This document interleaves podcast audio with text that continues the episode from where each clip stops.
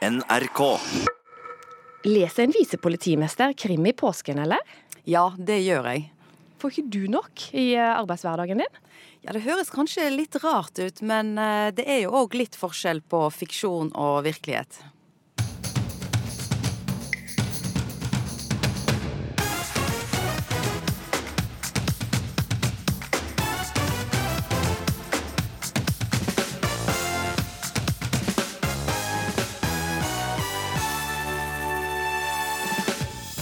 Jeg, jeg var litt sånn, skulle være sånn litt sånn arrogant og kul som mente at russ ja, det var noe andre folk drev med, liksom. Russetid. Det var den gang da, men hvordan ble det da Lars Lillo Stenberg skulle prøve seg som russelåtkomponist? Og husker du hvordan vi solte oss før for å bli brune? Da skulle man helst bli rød først, og så skulle man bli brun. Au. Sindre Finnes, mannen til statsministeren, vet alt om viktigheten av å bruke solkrem. Og flere unge bruker personlig trener på treningssenter.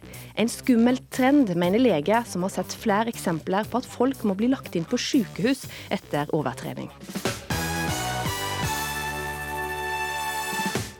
Velkommen til ukeslutt i NRK i det som er en liten påskespesial fra oss. Så for ordens skyld, denne sendinga den er gjort i opptak. Jeg heter Ann Kristin Listøl. Og I denne sendinga skal du òg få høre om at han er blitt omtalt som Arbeiderpartiets ukjente nestleder. Men visste du at Bjørnar Skjæran kom seg til finalen i Påskelabyrinten? Han får du høre seinere. Og hva er en god krim for de som jobber med ekte kriminalsaker? Det skal vi òg snart få svar på. For i tillegg til visepolitimesteren Ida Melbo Øystese, er òg forfatter Tom Egeland og advokat Brynjar Meling her i studio. I påsken så leser mange påskekrim, men hva leser de som jobber med kriminalsaker? NRK har snakka med flere av de mest kjente personene som jobber med ekte kriminalsaker, om hva de syns er god kriminallitteratur. Flere av de tipsa kan du lese på nettsidene våre, men vi har òg fått med oss noen av de her nå i studio. Ida Melbo Øystese, du er visepolitimester i Vest politidistrikt, og du er med oss fra studio i Bergen. Ja, du er jo veldig glad i krim her, men blir det ikke litt mye da, når du jobber med dette her til vanlig? Ja, det høres eh, litt rart ut at jeg skal være så glad i krim, men det har jeg vært hele livet. Eh, så eh, selv om jeg jobber med det til daglig, så kobler jeg faktisk av med å lese kriminalromaner. Forsvarsadvokat Brynja Meling. For mange er nok du kanskje kjent som advokat for bl.a. mulla Krekar. Hva er ei god krimbok for deg? En god krimbok den må ha en uh, drivende hovedfortelling, og gjerne en, hva skal jeg si, en dobbel bunn, hvor du får uh, også kjennskap til personen som har, uh, hva skal jeg si, som er hovedkarakteren. sånn så Det er veldig begeistret f.eks. John Le Carré, hvor du på en måte ser mye av disse personlighetstrekkene, og, og, og også ser hvordan personen utvikler seg fra bok til bok. Da, da, blir du på en måte glad i, i både forfatteren og, og, personen og følger serien, og du kan til og med bli lei deg når han dør i siste boka. sånn at Eh, men, men, først og fremst, eh, og det er kanskje fordi at man leser så mye dokumenter ellers, så, så er jeg avhengig av en, en, litt sånn drivende god historie. Her har vi forfatteren òg, da. Tom Egeland, eh, kriminalforfatter, og forfatter andre bøker òg.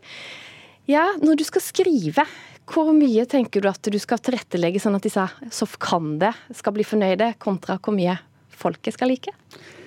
Uh, krimforfattere skriver jo sjelden for politi eller uh, advokater. Dette handler jo om å skape en, uh, et univers som ikke finnes, men som likevel fremstår troverdig nok til at det virker ekte. Det er jo sånn at hvis vi krimforfattere skulle legge oss veldig tett på virkeligheten, så hadde det jo blitt drepende kjedelig. Uh, og det er litt sånn, altså, hva skal jeg si, James Bond er jo i liten grad representativ for britisk etterretning. Og selv uh, krimforfattere som skriver veldig virkelighetsnært, da, f.eks. Jørn Lier Horst, som jo har vært politimann, og som vet hvordan politi tenker og jobber. Eh, han må jo vri til dramaturgien for at det skal bli spennende. For det sant å si er jo ikke politiarbeid i det daglige veldig spennende. Det er mye kontorjobbing, mye dokumenter, mye telefonering og lite biljakter. Ja, Øystese, Eh, hva er viktig for deg for at du skal bli grepet av boka, og ikke bare legge henne vekk? Det er viktig for meg at det er en troverdig historie, eh, og at eh, en del av de tingene som omhandler politiet, er korrekt omtalt. Og så må det ikke bli altfor detaljerte voldsskildringer. Eh, det syns jeg ikke er så spennende. Jeg eh, er mest interessert i det å løse mysteriet. Eh, og finne ut av hva er det som har skjedd, og hvem har gjort det. Og jeg må nok si til Egeland at jeg tror han hadde blitt litt overraska hvis han hadde vært litt på jobben hos oss i politiet, for det er faktisk mye som er veldig spennende. Jeg er jo storforbruker altså, av eh, sånne politiserier på TV. Altså ikke krimhistorie, men sånn Kops og Hundepatruljen og, og, og, serier der kamerateam sitter i baksetet. Jeg elsker det jo. Men eh, jeg vil vel tro at i hvert fall etterforskning uh, i større grad enn hva skal vi si, patruljering uh, kan være vanskelig å skrive veldig spennende om, men eh, om jeg tar feil, så svelger jeg gjerne det i meg. Øystein, hva tror du at han hadde blitt overraska over da, hvis du hadde invitert han bort til deg? Eh, jeg tror eh, at innenfor etterforskningen så er det jo akkurat den innsamlingen av spor og beviser og følge historien framover til du til slutt kommer til at du har så mye beviser at du kan gå i, i retten med det. Og den fasen der har mange fasetter, og der er det jo av og til veldig, veldig spennende. Eh, der vi venter på resultater, der vi venter på forklaringer, der det er mye sånn jobb som skal gjøres. Men det er klart at hos oss så tar det så mye lengre tid, eh, så det vil ikke egne seg til å, å skrive rett inn i en kriminalroman. Så det må være da Det er jo da elementer av ulike saker som, som blir på en måte fortetta i en eh, bok. Meling, hva syns du er viktig at krimforfatteren tar tak i her, da? Jeg er veldig glad i hvis de, hvis de treffer riktig på hva skal jeg si, forskjellen på en dom og en kjennelse, og omtaler påtalemyndigheten som det, og, og, og, har brukt litt tid og ressurser på å sjekke disse tingene.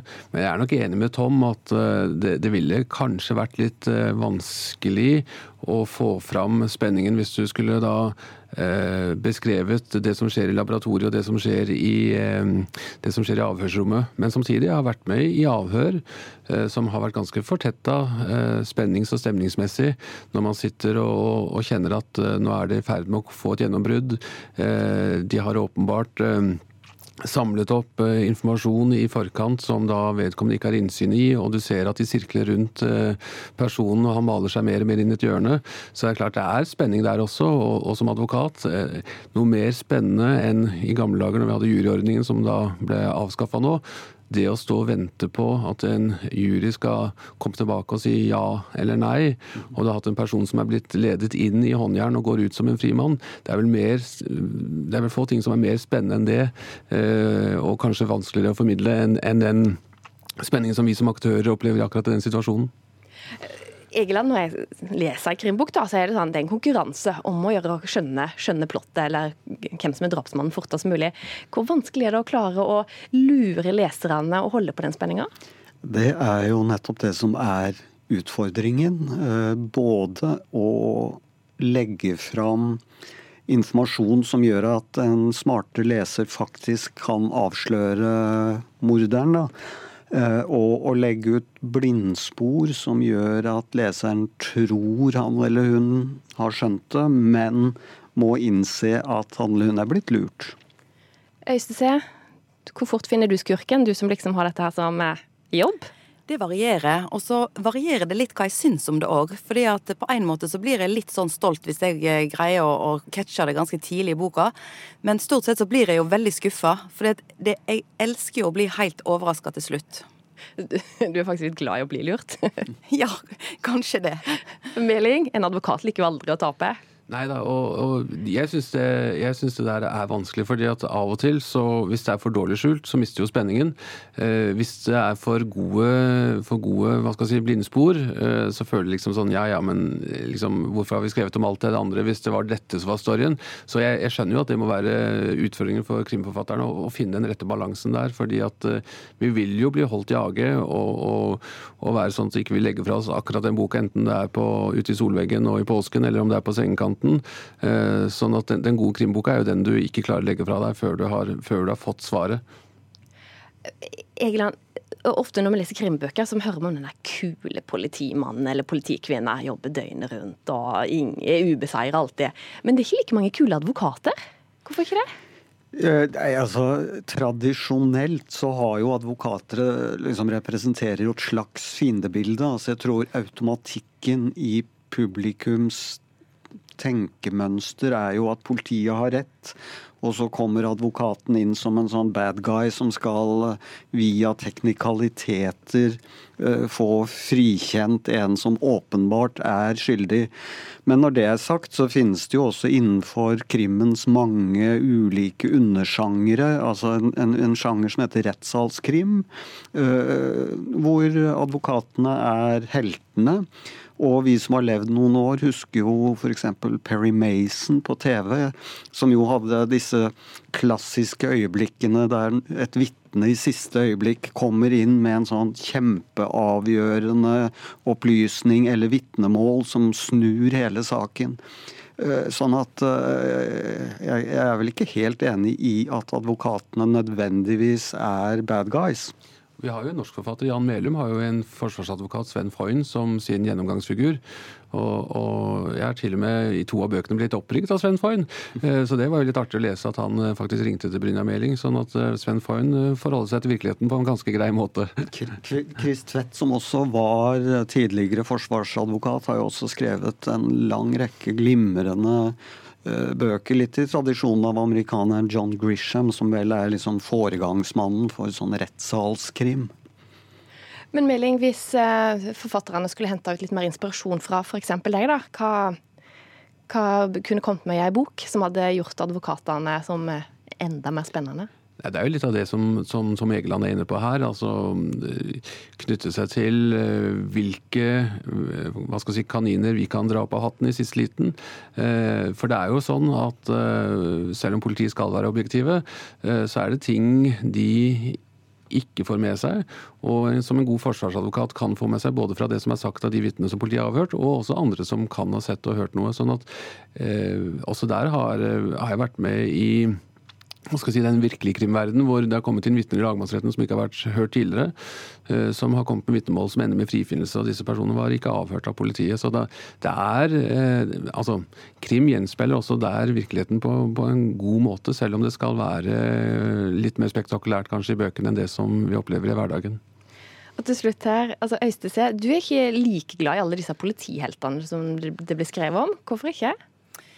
Eh, nei, eh, jeg syns at det blir litt karikert. Eh, og, og, jeg liker når man greier å få det litt realistisk i forhold til hvordan det er å jobbe i politiet, og samtidig få en, eh, en kriminalroman eh, ut av det. Eh, og aller helst òg at det peker på andre viktige områder i samfunnet som vi gjennom en kriminalroman kan bli bedre kjent med og lære mer av. Men du tror ikke det hadde blitt kjedeligere å lese det? Nei, nei på, eh, altså det, er vel de forfatterne jeg liker, som, som greier det. Eh, et nylig eksempel nå er Terje Bjøranger, som skriver om menneskehandel i den siste boka si 'Business', og boka før der som heter 'Barcode'. Greier å, å få inn eh, en god spenningshistorie i et miljø som er, er høyst aktuelt i dag. Og Tom Egeland, hvis du skal komme med et boktips her til slutt, da? Det er jo veldig veldig mye å, å ta av. Og, og, Gunnar Staalesen er jo et eksempel på en, en sånn type forfatter, altså som griper fatt i, i dagsaktuelle ting. Men uh, en av de siste bøkene jeg har lest, er skrevet av en japaner. Den heter uh, 64, eller 64.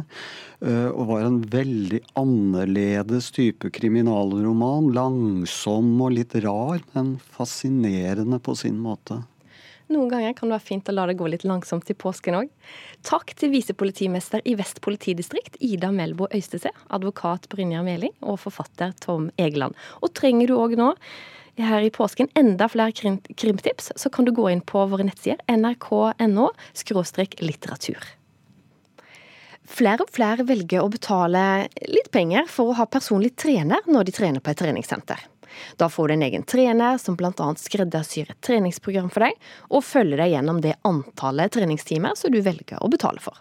Og For en stund siden så kunne vi lese i Dagens Næringsliv at òg flere unge velger å skaffe seg dette. Det viser tall fra noen av landets største treningssentre. Kari Løvendal Mokstad, du er fastlege, idrettslege og forfatter av boka Kroppsklemma. Hvorfor tror du at flere unge velger å skaffe seg personlig trener? Du, det er flere grunner til det. Eh, og det er jo en eh, veldig økt, eh, et økt fokus på det å holde seg i form og ha en fin kropp i samfunnet generelt, både hos yngre og eldre. Og vi ser jo også at det er stadig flere som trener på treningssenter generelt. Så, så jeg tenker det her er vel bare en del av en trend om at kroppen skal være fit for de fleste. Og du som er lege opptatt av at vi skal være sunne, du sier kanskje ja, kjør på, dette er bra? Du, eh, jeg gjør jo for så vidt det. Jeg må jo selvfølgelig være enig i at det er kjempefint at eh, mange og, og kanskje flere ønsker å være i form. Men eh, samtidig så, så, har jeg mange menn i forhold til at det her blir en del av en stor business da, og en industri som jeg ikke liker, i hvert fall i forhold til dem som er de aller yngste kundene som vi ser nå på treningssenter. Vi har treningssenteret treningssentre her òg som snart skal slippe til. Men ta litt av bekymringene dine, da. Hva er du bekymra for? Nei, altså jeg har jo eh, som sagt jobba med et stort bokprosjekt i flere år, og har masse unge pasienter på pasientlista mi. Eh, og jeg ser jo at det her kroppsfokuset og utseendejaget har blitt mye verre i samfunnet vårt. Og da er det her med å trene på treningssenter og det å få en fitt og sterk kropp med fin biceps og overarmer og flott flott eh, rumpe. Det har blitt veldig sånn eh, veldig fokus på. Og da mener jeg at det at det er stadig mer reklamering og eh, sterk, sterk markedsføring mot den unge gruppa, ikke er bra. For jeg tenker at det blir et feil fokus for mange. Atle Arntzen, du er ansvarlig for personlig trening hos Sats Norge, som er Nordens største treningskjede. Og for å få en personlig trener hos dere, så må du være over 16 år, og så må du få en fullmakt eller godkjennelse av foreldra. Egentlig det du blir medlem, da. Når du hører dette som blir sagt her, hva, hva, det, hva opplever du det er et uttrykk for? At uh, de unge vil ha personlig trener? Eh, det helt riktig, det stemmer jo at uh, flere og flere unge også ønsker å investere i en personlig trener. Og da er det jo først og fremst foreldrene som, som syns at dette her er et bra valg. Og så er jeg også enig i at Eh, i samfunnet generelt sett så er det et veldig stort og sterkt fokus på utseendet. Og det tenker jeg også er en av de grunnene til at man bør vurdere å, å bruke persontrener. Fordi at vi jobber jo ikke bare med det rent uh, treningstekniske i form av kondisjon, styrketrening og disse tingene her. men vi jobber også mye med motivasjonen og, og hvilke gevinster treningen vil gi. Så, så vi bruker mye tid eh, på å jobbe med motivasjonsfaktorene og prøver å skape en større verdi rundt trening enn bare utseende. For utseende er kanskje det som gjør at mange kommer i gang med trening. Og så ønsker vi at man skal også finne en eh, mer indre motivasjon, sånn at man kan holde treningen ved li, eh, i live over lengre tid og ha generelt helse som, som, fokus i forhold til hva som er viktig for, for hver enkelt. Ja, Mokstad, du er bekymra for kroppspresset. Kan nettopp den personlige treneren være den som er med på å løse det, da, sånn som Arntzen er inne på her?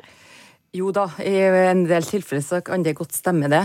Men eh, så vidt jeg vet så er det med såkalt personlig trener, PT, da, ikke en beskytta tittel. Der det kan godt hende i hans treningssenterkjede at det er en bra kvalitetssikring, men det er jammen ymse eh, av, av, det som finnes av personlige trenere. Og jeg tenker jo kanskje dem som er helt yngst av denne gruppa her, eh, for det første ikke har så sterk økonomi sjøl. Kanskje de har foreldre som, som betaler, men, men eh, de er kanskje ikke så kvalitetsbevisst heller på hva de velger. Og da det, kan det bli veldig mange dårlige og uheldige råd som de her personlige trenerne begynner å, å gi. Eh, og også ikke minst når det begynner å bli kosthold og sånne ting blanda oppi det her, så syns jeg det er ganske skummelt og vanskelig å regulere hva de her unge får av råd. Og det er absolutt ymse råd, for det ser jeg jo. Jeg har jo også sett, Vi har jo, ser jo en økning av bl.a. type feiltrening som heter rabdomyolyse, der de får en veldig intensiv eh, styrketrening. Der de faktisk, vi ser en økning på innleggelser på sykehus med helt opp til nyresvikt pga. feil råd. Det har jeg selv sett på mitt kontor.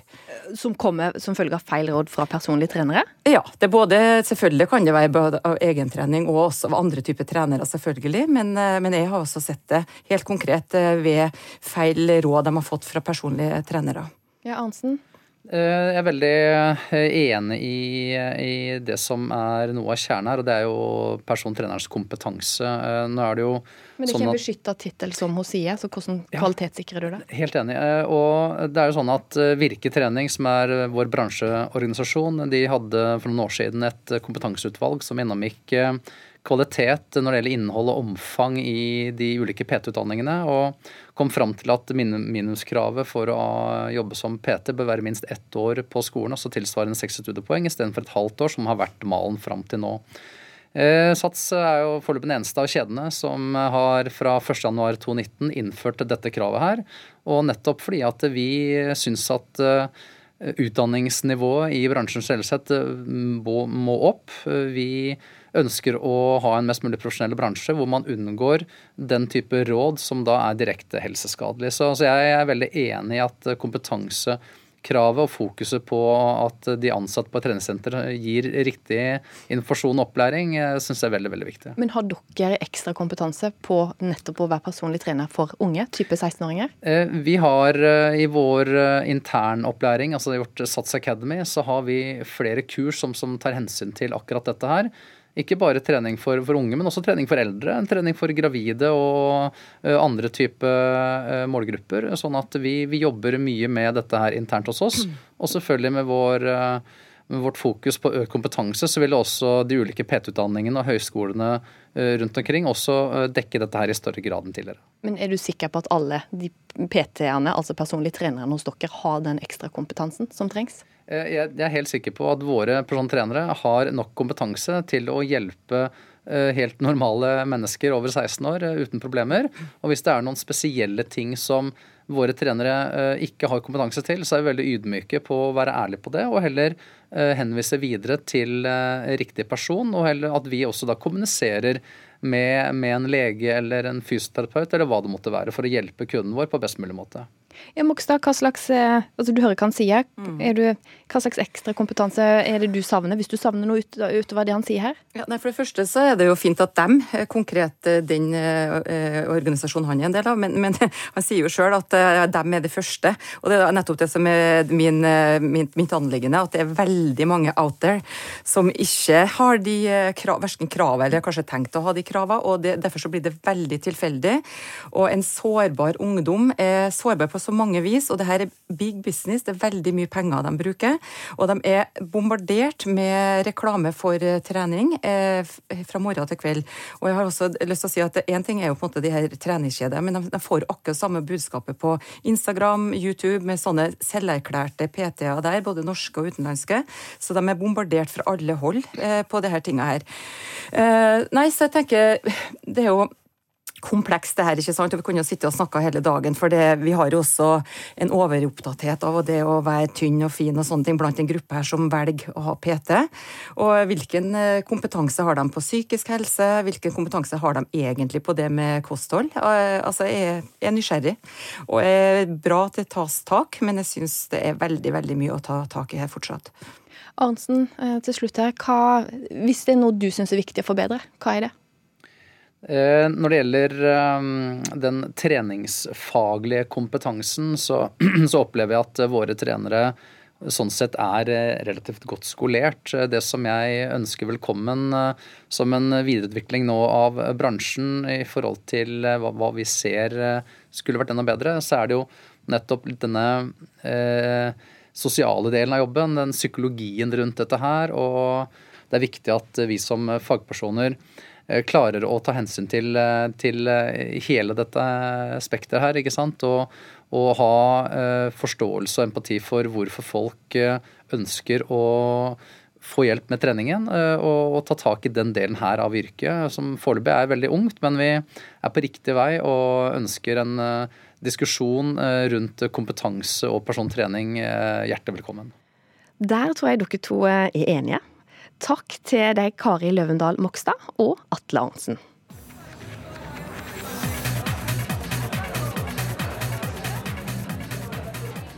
Det er ikke så lenge til toner som dette kommer til å strømme mot deg fra passerende russebusser eller russetreff i en park. Vi har hørt mye om russemusikk de siste åra, særlig om eh, tekstene, men eh, som mange mener er litt drøye. Men mange russ betaler òg i dag titusenvis av kroner for å få lagd en sang til bussen sin. Men ikke all russemusikk kaster om seg med drøye gloser og heftige danserytmer. Rett før russetida braker løs, så møtte reporter Knut Øyvind Hagen en til nå ukjent russelåtkomponist. Jeg fikk en henvendelse fra noen gutter som hadde lyst på en sånn russelåt til til dem og, og, og, gjengen og den bussen de skulle være på. Og så tenkte jeg at det kan ikke jeg eh, drive med, men, eh, men likevel, fordi jeg har litt sånn konkurranseinstinkt i meg, kanskje, eller hva man kan kalle det. Eh, for det var litt fristende å, å se om jeg kunne få til noe sånt. Du har kanskje gjettet hvem det er allerede. Mannen bak tekstlinjer som 'Min baby dro av sted i en blå folkevogn', Lars Lillo Stenberg, har gått fra folkevogn til russebuss. Eller han har iallfall gjort et hederlig forsøk. Det begynte som et oppdrag for noen andre mennesker. Eh, hvor jeg skulle eh, prøve å beskrive det å være russ, rett og slett. Men Og så prøvde jeg å gå inn i den greia der, sånn som jeg tenker at det er. Og så Og så lagde jeg en melodi også som jeg trodde skulle fungere på en russebil. Eh, russebuss. Men uh, det kanskje var den melodien jeg ikke egentlig var no, kanskje mer fornøyd med teksten enn melodien. Så jeg lagde en ny melodi nå for ikke så lenge siden. da. Rulle, rulle, rulle av sted.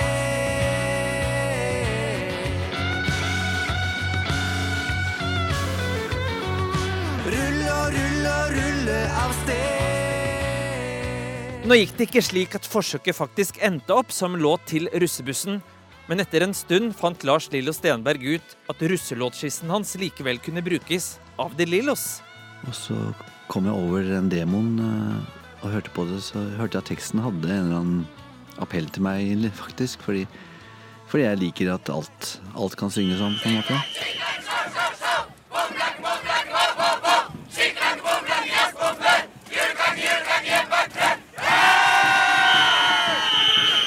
Å hoppe en drøy generasjon tilbake, hvordan var din russetid? Var det noe rulling da? Mine nærmeste venner de hadde jo vært russ året før. Jeg hadde liksom tatt et friår før jeg begynte på videregående. Uh, så jeg, jeg, var liksom ikke så engasjert i, uh, i, russetid. Jeg følte vel på den tiden at jeg hadde feira russ gjennom hele videregående. Så jeg, jeg, jeg, hadde liksom ikke det. Jeg, var litt sånn, skulle være sånn litt sånn arrogant og kul som mente at russ ja, det var noe andre folk drev med, liksom. Russetid. Jeg husker jeg hadde uh, holdt russefrokost for uh, klassen min. Jeg var ikke med De hadde vært våkne hele natten, da. Mine sjekke barn, sjeiken har ankommet. Hei, sjeikepappa.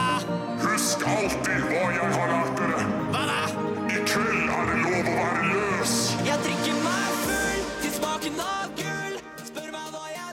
For å ta fenomenet russelåter. De har jo fått kritikk for drøye tekster, mens de det gjelder, avfeier det som humor. Hva syns du? Jeg har ikke gått inn i det. Jeg har ikke hørt på russelåtene med, med to ører, holdt jeg å si. Jeg har hørt på dem, eh, Hvis jeg har hørt dem i det hele tatt, så har det vært bare med et kvart øre.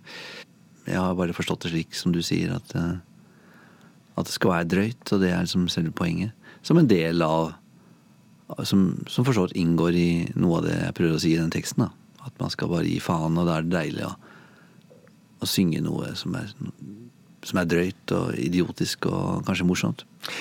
Hvordan håper du denne låta nå blir mottatt? Håper du at den vil gjalle ut av høyttalerne på russetreff landet rundt?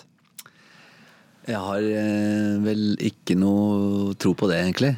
Um, jeg tok, Jeg vet ikke. Jeg, min ambisjon har bare vært at jeg syns at tematikken var litt interessant, til tross for at jeg ikke hadde tenkt at De Lillo skulle skulle liksom fronte den låta.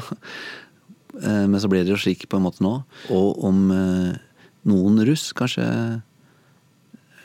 ti av tusen, syns at denne her er, eh, appellerer på et eller annet vis, så, så er det jo glimrende.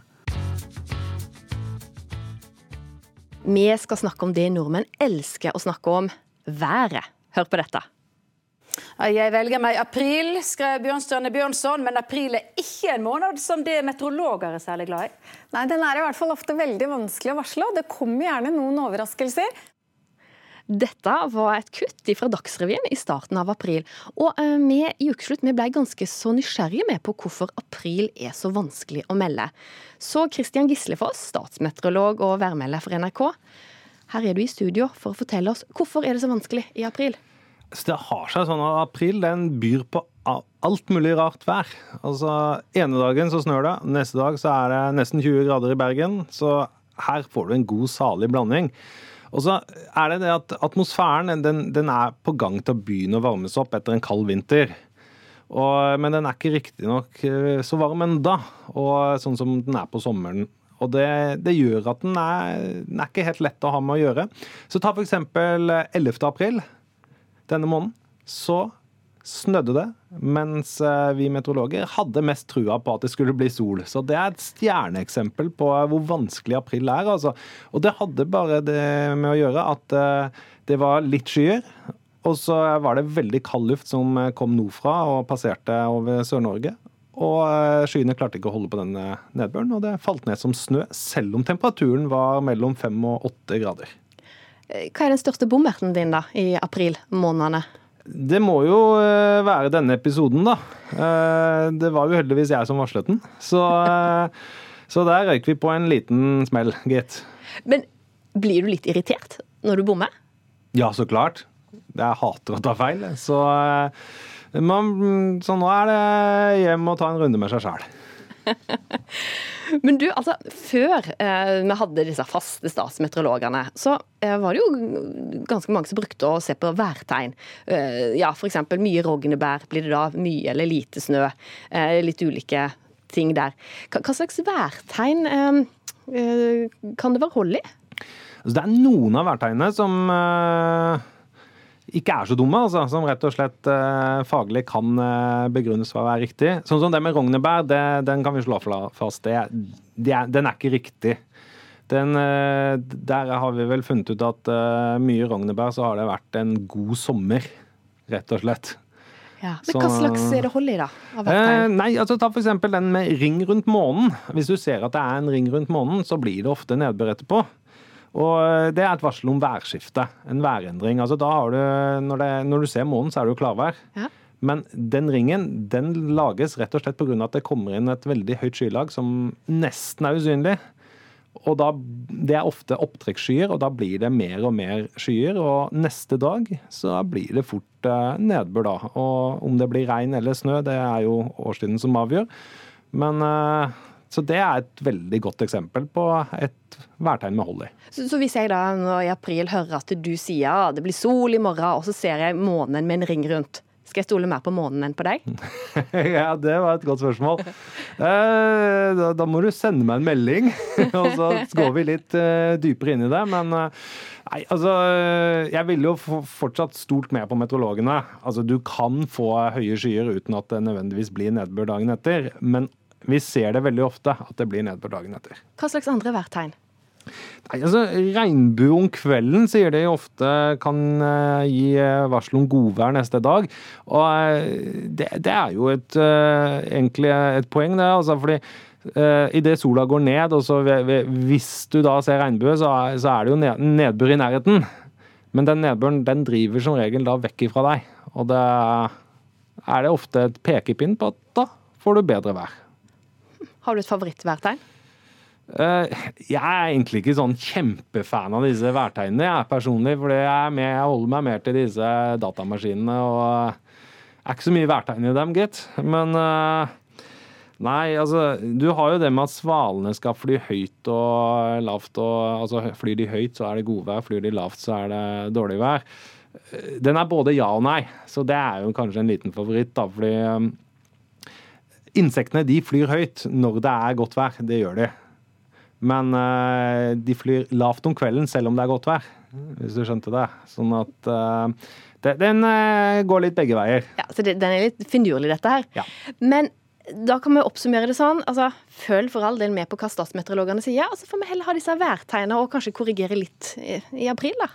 Ja, det tenker jeg Det, det, er en ve- veldig, ja, veldig godt sagt.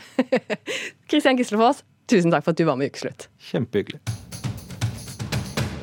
Påsken er en mulighet til å la den vinterbleike huden få litt farge. Vel å merke når det er fint vær, da. Å lukke øynene og sitte i solveggen med en rykende varm kaffekopp og kjenne at sola varmer opp hele kroppen. Og ikke minst piffe opp den vinterbleike huden. Så da frister det jo ikke i det hele tatt å smøre på tjukt med solkrem med veldig høy faktor.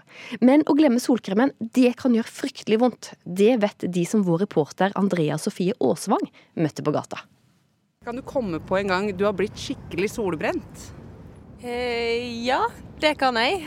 Eh, det var i NIS for ganske mange år siden. Det var fullstendig overskyet, men det var varmt og godt. Og vi lå på stranden første dagen i bikini og tenkte at det ikke var så farlig å smøre seg, for det var jo overskyet. Endte med at jeg har, fikk den verste solbrenten noensinne. Tar du mer hensyn nå? Svært mye mer hensyn nå. Faktor 30 hele sesongen. Det var på Kreta på 80-tallet. Glemte å smøre meg inn med solkrem. Har du blitt flinkere nå til å bruke Nei, jeg soler meg ikke i det hele tatt mer. Det har jo skjedd veldig mange ganger opp gjennom tida, særlig i ungdommen, da man ikke var så forsiktig. Da skulle man helst bli rød først, og så skulle man bli brun. Det var sånn på den tida. Altså, jeg er født i 1962. Og først så hadde vi jo spenol, og så etter hvert så var det en del som begynte med sånn, eh, sånn olje. Så de var godt eh, innsmurt med. Men det var lenge før det ble solfaktor. Tar du mer hensyn i dag enn du Ja, gjorde da? det er klart. Men du ser jo, jeg har jo masse av disse her. Det er jo egentlig solskader, sannsynligvis. Ja, spinol og olje. Altså, Sindre Finnes, du jobber i Norsk Industri, men du er kanskje mest kjent som den som er gift med statsministeren vår. Spinol og olje, kjenner du deg igjen her? Ja, jeg kjenner meg igjen på den måten at jeg har jo sett produktene da jeg var liten, og sett at noen har brukt de når de soler seg. Det har jeg. Så, men det, det er ikke noe for folk med min hudtype, da. Nei, for, det, for, for noen måneder siden så fortalte du at du hadde fått påvist eh, hudkreft og operert eh, bort dette her. Eh, og du sa òg eh, i et intervju da, at denne kreftformen kommer av for mye sol, og den kan ha oppstått eh, eh, for mange år siden da du gikk på ski uten å smøre deg, for det var ikke så flink til den gangen. Så vi vil jo gjerne ha solvettips av deg. Ja, det er et godt tips nå når vi er inne i påska, det er at du smører deg med høy faktor. Og så egentlig så høy faktor som mulig. For du er ofte mye ute i sola, så du får på en måte litt farge, og du får alle de positive virkningene av sola selv om du smører deg med solfaktor 30. For det, altså, Du hadde to sår i panna du som ikke ville gro. og Så gikk du raskt til lege, for du har hatt dette her før og fikk det fjerna. Alt, alt er i orden. Men eh, hva slags sånn aha-opplevelse var det å plutselig eh, sitte der og skjønne at oi, dette har gått for langt?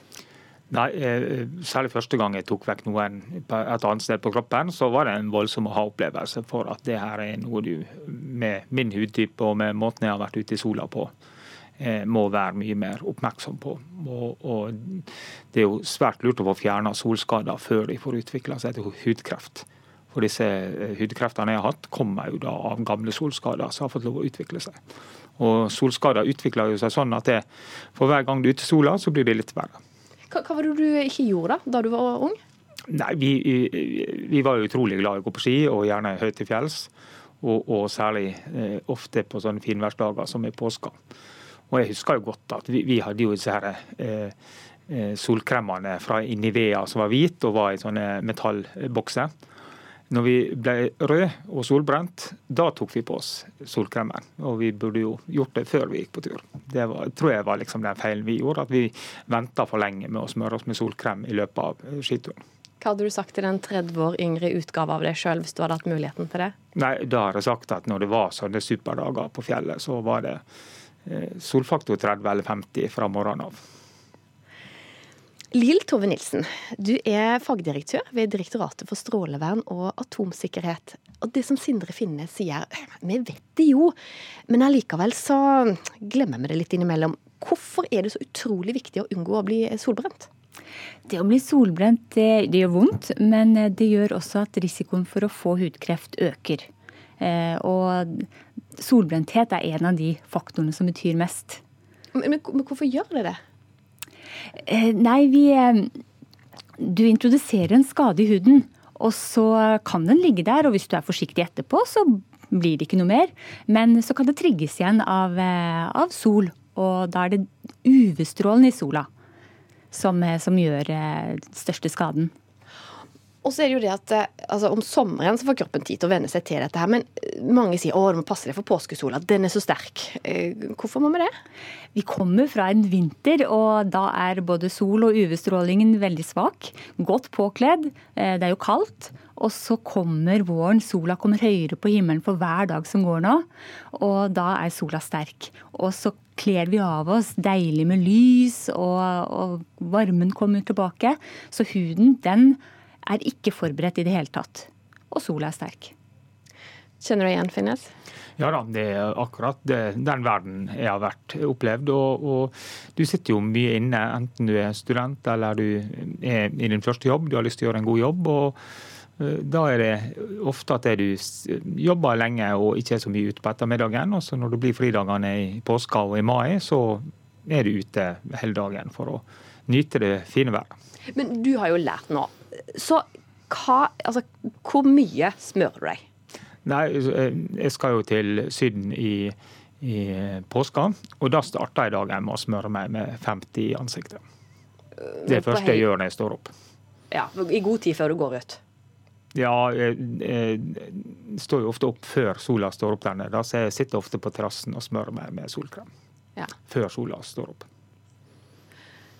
Nilsen, du nikker her. For det, mange lurer jo på hvor mye skal du smøre deg, hvor lenge i forkant, og hva er de faglige rådene her? Mm. Fakt, altså, når du skal smøre deg med solkrem, så er det mest effektive er å smøre før du går ut. Veldig bra det. Og skal du få den faktoren som står, så må du smøre ganske tykt på. Da virker solkremen. Eh, du sier tjukt på. Betyr det én gang eller to ganger? Ja, veldig tjukt. Det er sånn eh, sikkert eh, mye tykkere enn det de fleste gjør. Så er det vist at det faktisk er veldig effektivt å smøre to ganger. Da har du smører inn, og så får det trekke inn i huden. Og så smøre en gang til. Det er det som virkelig er mest effektivt. Og da, for det første så kan du da dekke områder du glemte første gangen. Og da passer kanskje ekstra godt på eh, de utsatte stedene. Det er jo noen steder som stikker seg fram. Nese, panne, kinnben. Eh, på toppen av hodet og ører. Og når man kler av seg, så er det jo skuldre, nakke og bryst. Eh, så de utsatte stedene er det bra å smøre e, enda en gang på. Finnes, du er òg veldig opptatt av pass på barna. Mm. Hvordan gjør du det? Nei, Det var vel når både kona og meg begynte å bli flink til å smøre. Eh, det var jo når vi fikk barn for 22 år siden. Og Da ble vi flinke til å smøre barna, og vi ble faktisk flinkere til å smøre oss selv også. Så det er litt sånn dobbeltvirkning av at du passer på eh, å smøre barna, at du da forstår at det, i, i, hvert fall resten av smøringa bruker du i ditt eget ansikt. Og kanskje du tenker enda mer på at du må smøre deg godt. da. Og, og, nå er jo barna dine store, da. Men hvem er flinkest da til å bruke godt nok med solfaktor? Du eller statsministeren? Nei, det er nok meg som er flinkest på, iallfall på høy solfaktor. Du må passe litt på henne da, kanskje? Så jeg må passe litt på henne og minne om disse tinga her. det er bra. Eh, Nilsen, så er det òg noen som lurer på eh, Må vi kaste solkremen hvert år, for den går ut på dato? Slettes ikke. Eh, men jeg vil tro at de fleste kanskje bør sjekke den først. Eh, og du kjenner ganske fort både på lukt og, og kjenner på kremen om, er, eh, om, det har skjedd noe med den. Og det viktigste med det er faktisk at hvis det har begynt å skje noe, så vil du ikke ha den på deg. For den beste effekten får du av å ta den på deg. Så selv om det har blitt litt dårligere faktor, så virker det godt. Så ta på solfaktoren uansett.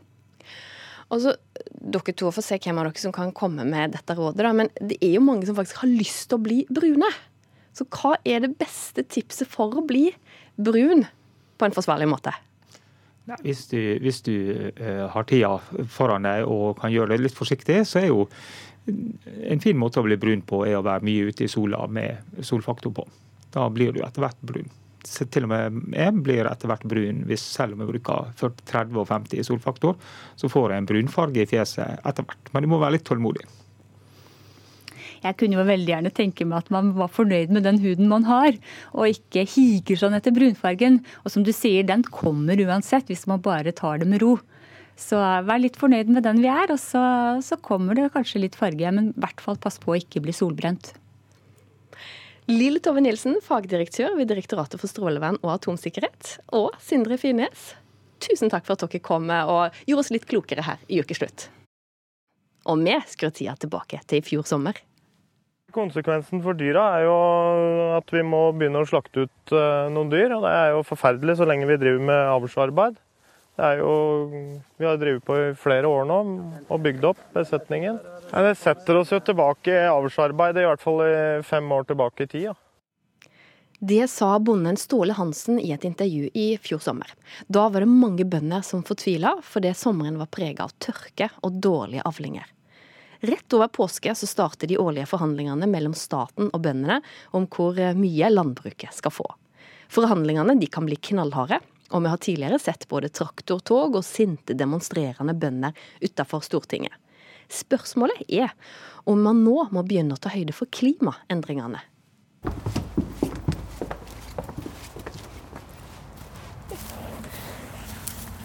Her, det, her, har vi skilt ut de tre som skal kalve nå først.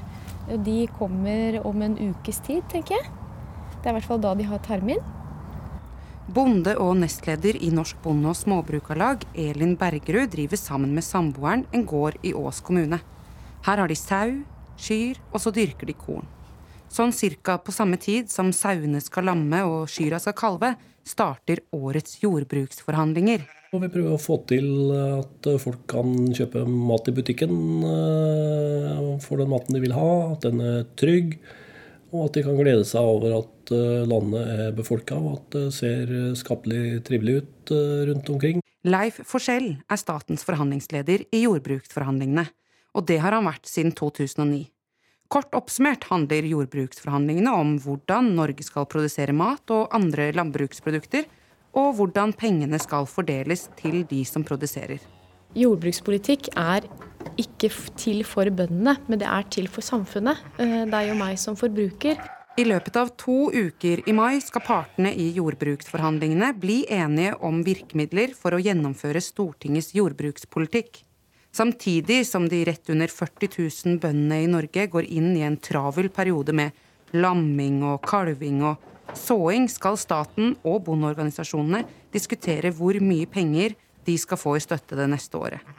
Sjøl om hovedlinjene i jordbruksforhandlingene handler om hvordan maten skal produseres og hvordan pengene skal fordeles til de som produserer maten, er forhandlingene også fullt av teknikaliteter. Men Jon Georg Dale for eksempel, han var, eh, han var jo veldig interessert i ull. Sau og ull og gjeterhund og kvaliteten på ull. Og gikk jo utenpå alle i embetsverket når det gjelder å vite alt om hvordan man klassifiserer eh, ull fra saueull. Og det er jo morsomt, og det er jo litt krevende når man har en statsråd som da kan mer om ull enn noen i departementet. Og Sånn kan det høres ut i Oslos gater hvis partene ikke blir enige. Dette er lyd fra 2014. Da ble det brudd i forhandlingene, og 5000 bønder dro inn til Oslo for å demonstrere. Det ble parkert en rekke traktorer utenfor Stortinget. Det ble laget fareskilt med bilde av statsminister Erna Solberg, finansminister Siv Jensen og daværende landbruksminister Sylvi Listhaug. Bøndene gikk i tog gjennom byen, og det hele ble avsluttet med en rekke appeller utenfor Stortinget. Det hjelper lite med åpen dør til Listhaug når det er tomt bak døra. Om en uke får vi vite hva som blir årets krav og årets store saker. I fjor krevde bøndene 1,83 milliarder kroner, mens avtalen endte med en ramme på 1,1 milliarder kroner. Men sommeren som fulgte, var ingen forberedt på da avtalen ble inngått. Det ble ekstremt tørt, og mange bønder sleit med å holde hjula i gang. Tørka den er bare vedvarende, og Meteorologisk institutt greier vel litt å se regn eh, resten av juli måned. Og, og dette er kritisk. Jeg sier at vi er inne i en 100-års eh, fòrkrise. Forhandlingsleder Leif Forskjell tror at fjorårets tørke kommer til å bli et tema under årets jordbruksforhandlinger. Og så må vi jo lære litt av hvordan vi håndterte den tørkekrisa i 2018. Det er mye lærdom å hente i den, så det blir også en del av oppgjøret. Bergerud i Småbrukarlaget tror også at tørken blir et tema under årets forhandlinger. Man kan selvfølgelig stille spørsmålet ja, er det et unntaksår, eller er det et tilfelle må vi belage oss på flere sånne somre framover som en konsekvens av klimaendringene. Jeg tror mange har forventninger til det. Et sikkert tegn på påske for mange er dette.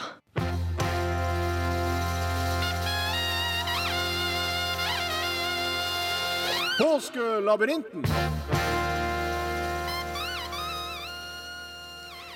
For NRK-programmet Påskelabyrinten har blitt sendt hver påske helt siden 1987, med unntak av to år, da. Og Viggo Valle, du har vært programleder hver gang. Du blir ikke lei, da? Nei, jeg kan jo ikke si det. Det er jo et privilegium å få lov til å lede et sånt populært program. Det, og særlig siden jeg har skapt det sjøl, så kan jeg jo ikke si at jeg blir lei. Jeg må jo si at jeg blir lei meg sjøl. ja, det går ikke. Nei. Men du, altså, programmet har jo holdt seg godt òg. Det er mange som hører på.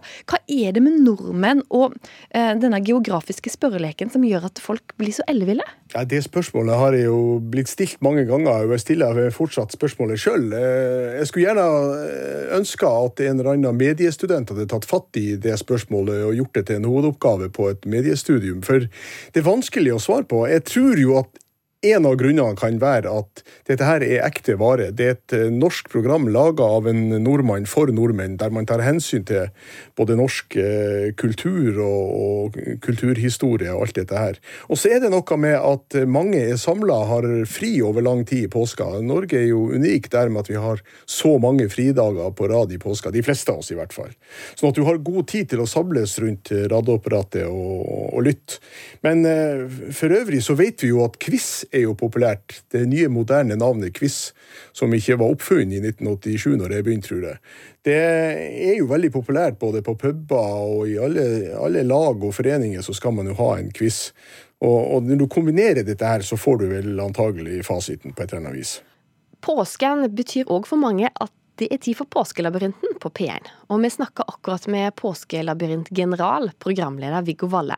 Men vi har òg den nyvalgte nestlederen i Arbeiderpartiet her. Det er deg, det, Bjørnar Skjæran. For en av de som har gjort det godt i Påskelabyrinten, det er deg. Du kom til finalen i 2002, og hva husker du av det? Nei, eh, det er jo lenge siden, så jeg, ikke, jeg, kunne ikke huske at det var i 2002. Men, eh, men du husker du var med? Ja, det gjør jeg. Og det var jo sånn at eh, i, i, min familie så har vi hatt en Sjøl har jeg hørt på Påskelabyrinten, jeg tror jeg har hørt den alle år.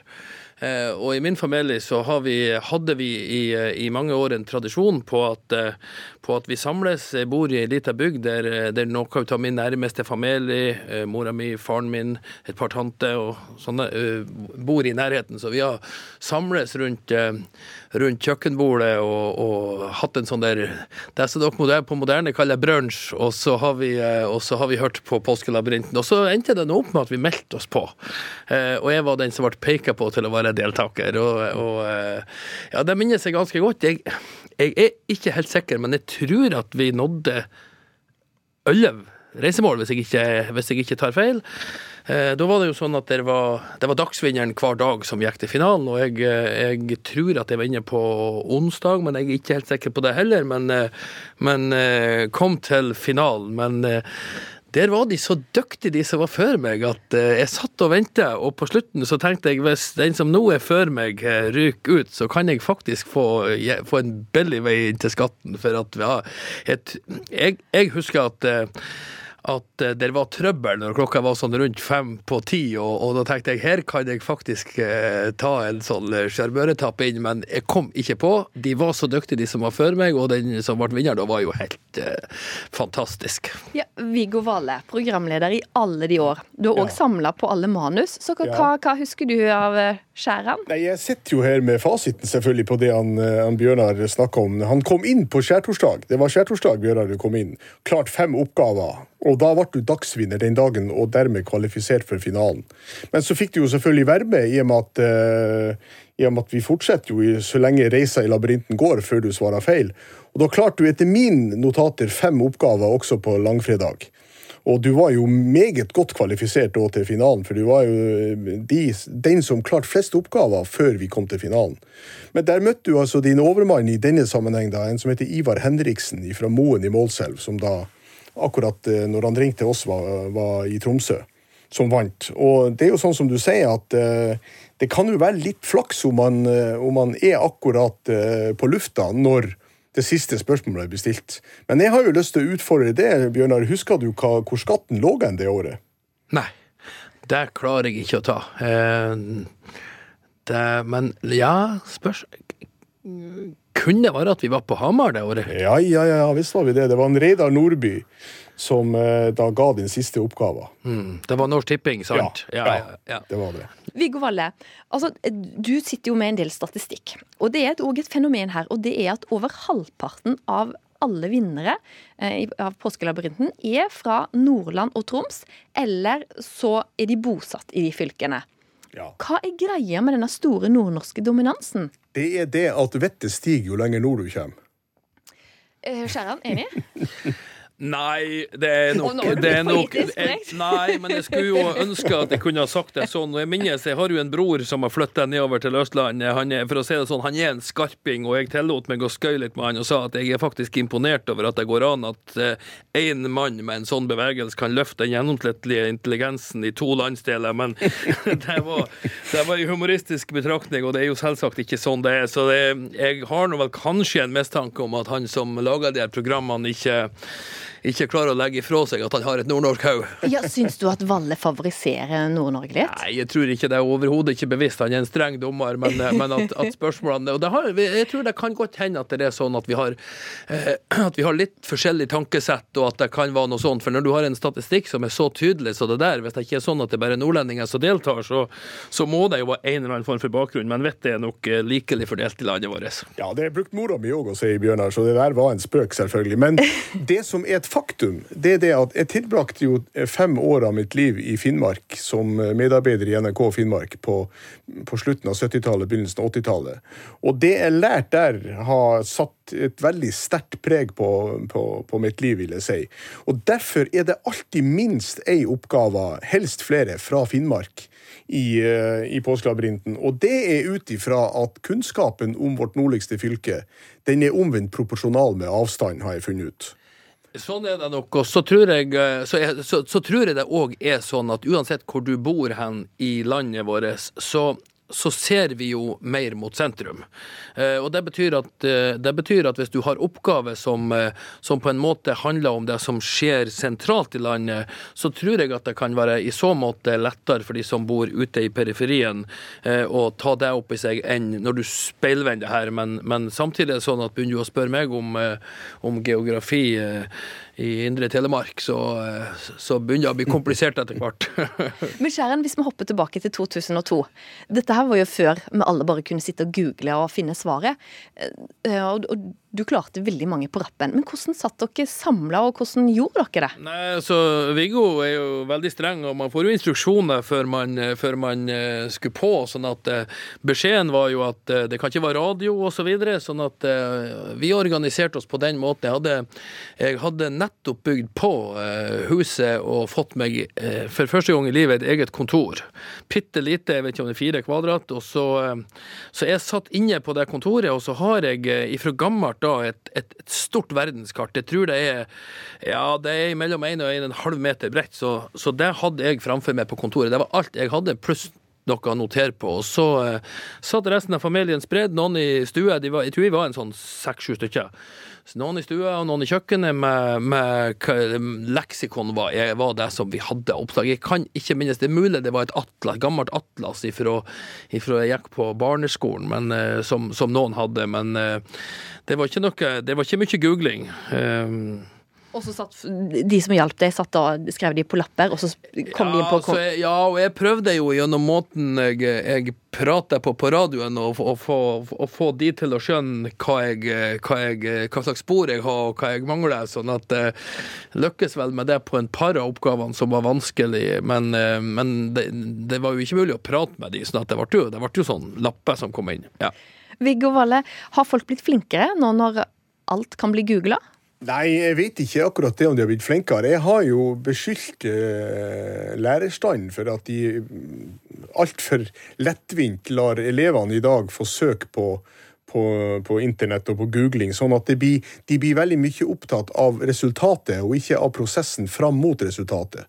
Og Postlabyrinten er jo et program der, der jeg prøver å framelske resonnementet, det å kunne kombinere mange opplysninger og, og komme fram til et, til et svar til slutt.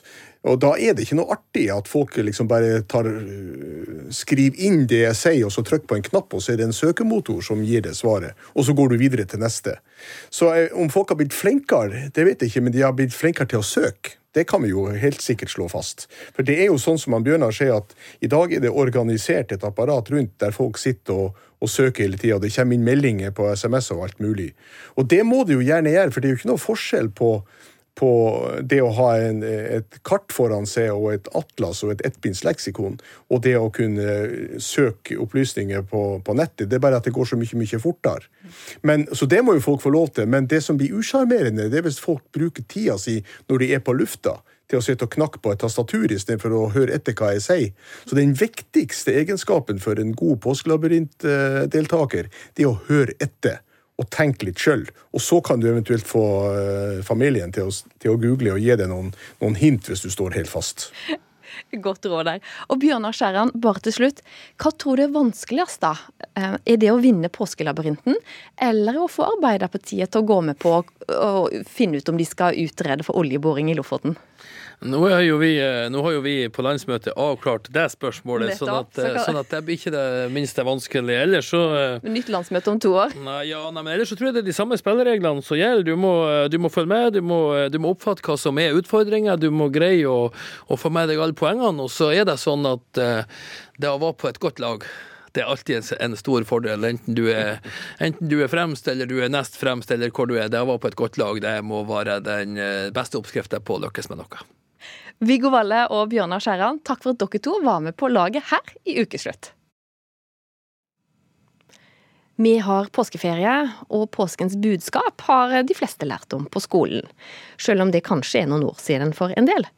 Reporter Knut Øyvind Hagen han har besøkt Ullevål skole og Majorstuen seniorsenter med tematikken Påskens budskap. Det har jo noe med kristendom å gjøre, da. Ja. Palmesøndag og hele greia på slutten der. Vi feirer påske på grunn av Jesus' lidelseshistorie, hans død og begravelse og oppstandelse. Hva var det som skjedde palmesøndag? Da red Jesus inn til hvilken by, jeg husker ikke. Jerusalem, eller hva han heter. Jerusalem. På et esel. Og så var det mange som la masse sånne palmeblader og vifta. Og så la de palmeblader på bakken og, og kappene sine. Og så han inn dit. Og hva skjedde skjærtorsdag, da? Jesus satt ved, med disiplene og spiste mat. Da spiste han et måltid med sine disipler. Påskelam antagelig. Gjør dette til minne om meg osv. Ga dem det derre Hva er det man gjør i Nattverd. Nattverden, ja. Langfredag. Er det ikke da han ble hengt? Jesus Kristus hang på korset, og den eh, ble jo lang i den forbindelse. Han lå pintes jo, så det var jo en lang, lang fredag for han. Men hva er det som skjer på påskeaften, da?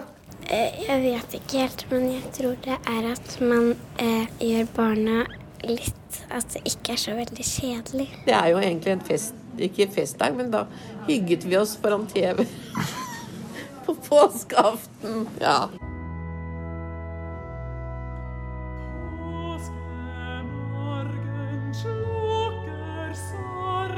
Det vil jeg si på påskemorgen så syns jeg er veldig hyggelig å høre på radioen eller TV. Og når de synger påskemorgen, den må jeg liksom høre hver eneste påske, første påskedag. Syns det er en nydelig melodi, så den må de ikke skifte. Påskemorgen slukker sorgen, slukker sorgen til evig tid.